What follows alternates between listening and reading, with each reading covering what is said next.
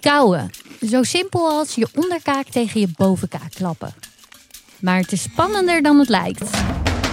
Tijd voor een kauwwedstrijd. Wie is de beste kauwer? Are you ready to chew? In de linkerhoek Anne. Ze bijt het spits af in een zacht wit puntje met hagelslag. Het broodje is 100 gram, 250 calorieën. Dat ziet er soepel uit, Anne. In de rechterhoek Eliane. Zij zet haar tanden in een hard broodje. Krokante korst, extra veel zaden. Precies even zwaar en evenveel calorieën als het zachte witte puntje. En stop de tijd. Anne heeft haar puntje al op en Eliane is pas op de helft. Maar toch, gefeliciteerd Eliane. Met haar 240 kauwbewegingen en Anne met haar 80 staat Eliane op winst. En waarom meer kauwen beter is voor je lijf, leggen we je in de komende 10 minuten uit. Waarom is kauwen goed voor de lijn? Dit is de Universiteit van Nederland. En voor het antwoord op onze vraag gaan we naar Wageningen, naar Guido Kamps. Hij wil met de nieuwste ontwikkelingen in tech de wereld overtuigen van het belang van het oeroude principe kauwen. Hij koppelt zo twee totaal uiteenlopende werelden aan elkaar. Guido, leg uit. Ja, ik heb uh, diergeneeskunde gestudeerd en kunstmatige intelligentie, oftewel AI, Artificial Intelligence. En ik combineer eigenlijk die kennis van fysiologie, dus hoe werkt het lichaam, of dat nou een dier is of een mens, wij zijn ook dieren, uh, uh, combineer ik met de mogelijkheid om algoritmes te schermen, te schrijven en techniek te ontwikkelen om beter voedingsonderzoek te doen. Ik ben me gaan richten op kauwen, omdat kauwen eigenlijk een soort voorbode kan zijn voor verzadiging. Dus wanneer stoppen mensen met eten. En beter begrijpen wanneer mensen starten, dat weten we al goed. Ze vinden dingen lekker, ze willen eten, ze hebben honger. Maar wanneer ze nou stoppen met eten, is veel moeilijker om uh, te weten te komen. En als we dat beter weten, kunnen we er ook voor zorgen dat mensen misschien iets minder eten en daardoor wat slanker blijven. En dat is gewoon een grote uitdaging op dit moment. Guido kijkt mee met onze wedstrijd tussen Anne met haar zachte witte punt en Eliane met haar knapperige bol. Wat gebeurt hier nou precies, koudtechnisch gezien? Nou, wat we net hebben gezien is dat mensen eigenlijk hetzelfde broodje eten. Het enige verschil is het ene broodje was knapperig en het andere is zacht. En je merkt dus dat zachte broodje, dat daagt je veel minder uit om te kauwen.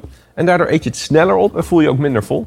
En dat laat dus zien dat voeding meer is dan alleen maar de calorieën of de macronutriënten, dus de eiwitten, de vetten en de koolhydraten.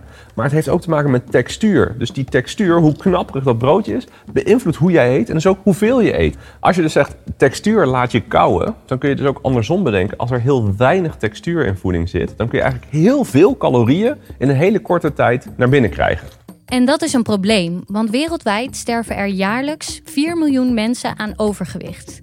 Alleen al in Nederland heeft de helft van de volwassenen matig tot ernstig overgewicht. Dan helpt het niet dat de schappen vol liggen met caloriebommen waar je bijna je tanden niet meer in hoeft te zetten. Denk aan een zachte candy bar of zo. Die, die, die schuif je eigenlijk zo naar binnen, terwijl je een hele grote hoeveelheid calorieën binnenkrijgt. Daardoor overeet je dus makkelijker en eet je eigenlijk meer te veel calorieën op een dag. En als je dat over hele lange tijd doet, dan word je langzaamaan te dik. En dat zien we dus nu ook om ons heen in alle producten die worden aangeboden. Die leveren eigenlijk te snel te veel calorieën voor te weinig verzadiging. Dus daarom is die eetsnelheid en dus ook textuur best wel belangrijk. Een goed voorbeeld is een smoothie versus fruit, maar ook volkoren versus niet volkoren of knapperig versus niet knapperig. Eigenlijk alles waar je meer op moet kouwen en wat niet meteen een soort papje in je mond wordt, heeft van zichzelf meer textuur voeding die veel textuur in zich heeft, die kun je niet zomaar doorslikken. Die moet je vermalen tot hapslik klare brokken. En dat vermalen, dat kouwen, dat brengt, dat maakt de nutriënten vrij. Het is een soort uitdaging, het is vermoeiend, maar het werkt dus ook aan jouw verzadiging. Het geeft jou meer verzadiging als je er meer op moet kouwen. Check. Hoe meer structuur of crunch, hoe meer werk voor je kaken. En als die lekker lang aan het malen zijn, gaat er een signaal naar je hersenen. Dat kauwen en dus het vermalen van het eten geeft al direct een terugkoppeling aan je hersenen van hé, hey, er wordt nu gegeten en dat leidt tot verzadiging. Dus die textuur is een soort uh, hint naar je hoofd van zo lang ben je nu aan het eten en nu moet je er eens een keer mee stoppen. Wil je het voor jezelf dus makkelijker maken om minder calorieën binnen te krijgen? Eet voedsel met een flinke bite. De rest wordt dan geregeld door je kiezen en je brein. Maar ja, die schappen blijven naast appels en wortels ook vol liggen met hapslik wegeten. En kiezen we dan toch niet te vaak voor die zachte hap? Sommige mensen denken, oh, dan is de oplossing heel simpel. We gaan gewoon allemaal weer rauwe producten eten, want daar moet je veel op kouwen. Hoe ik het zelf probeer toe te passen, is ik probeer eten te kiezen waar ik een beetje voor moet werken en waar ik lekker op moet kouwen. En niet te veel in de zachte, puree-achtige dingen te blijven. En dat is dat iedereen zelf kan uitproberen. Dus daarom vind ik het heel belangrijk om te focussen op hoe brengen we weer textuur terug, zodat mensen langzamer gaan eten, zodat ze niet te veel eten. Dus we hebben de voedselindustrie nodig en we moeten ons voedsel produceren en veilig maken. Guido wil crunch en kauwen weer op de kaart zetten, ook op die van de voedingsindustrie. Om dat voor elkaar te krijgen is er meer onderzoeksdata nodig. Zijn achtergrond in kunstmatige intelligentie komt hier goed van pas. Als je dus wil weten hoe snel wordt iets gegeten of hoeveel kou is er nodig, of als ik een product wil veranderen zodat ik dit goed in beeld kan brengen, dan moeten we het eigenlijk snel kunnen meten. En dan is het handmatig coderen niet een hele goede oplossing, vind ik. En daarom gebruiken we nu AI om dat heel snel te kunnen meten, zodat we heel veel mensen tegelijk met verschillende voedingsmiddelen goed kunnen meten.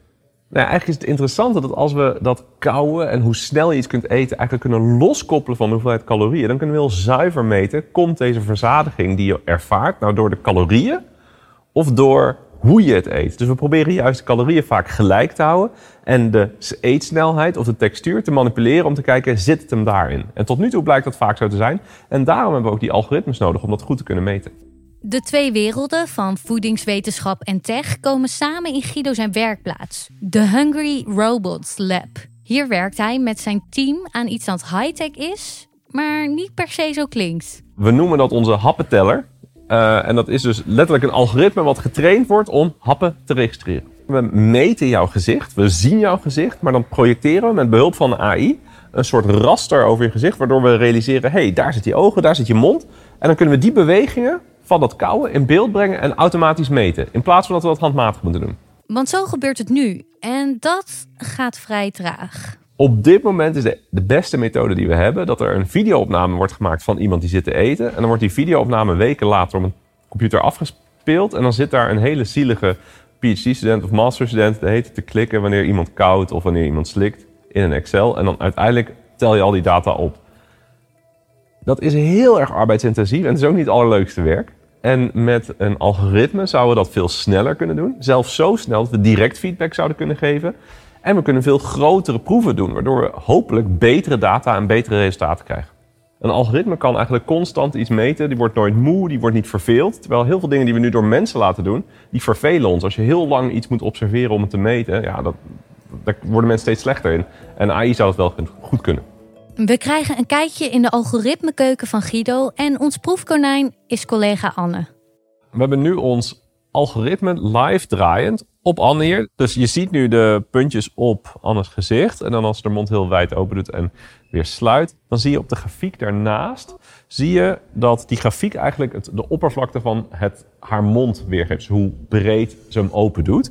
En als hij boven een bepaalde grens komt, zeggen we dat was een hap. Het is best wel ingewikkeld om van zo'n plaatje te herkennen. Kijk, wij als mensen zijn heel erg goed in gezicht herkennen. Dus als ik een foto neem van iemand en er staat een hoofd op, dan zien wij meteen dat is het hoofd en dat is de achtergrond. Maar voor een computer zijn het allemaal alleen maar losse pixels die eigenlijk helemaal niet weet wat hij ervan moet maken. Dus we moeten daar best wel AI voor gebruiken om te herkennen: dit is het gezicht, dan is dat de mond en nu gaat hij open en nu gaat hij dicht.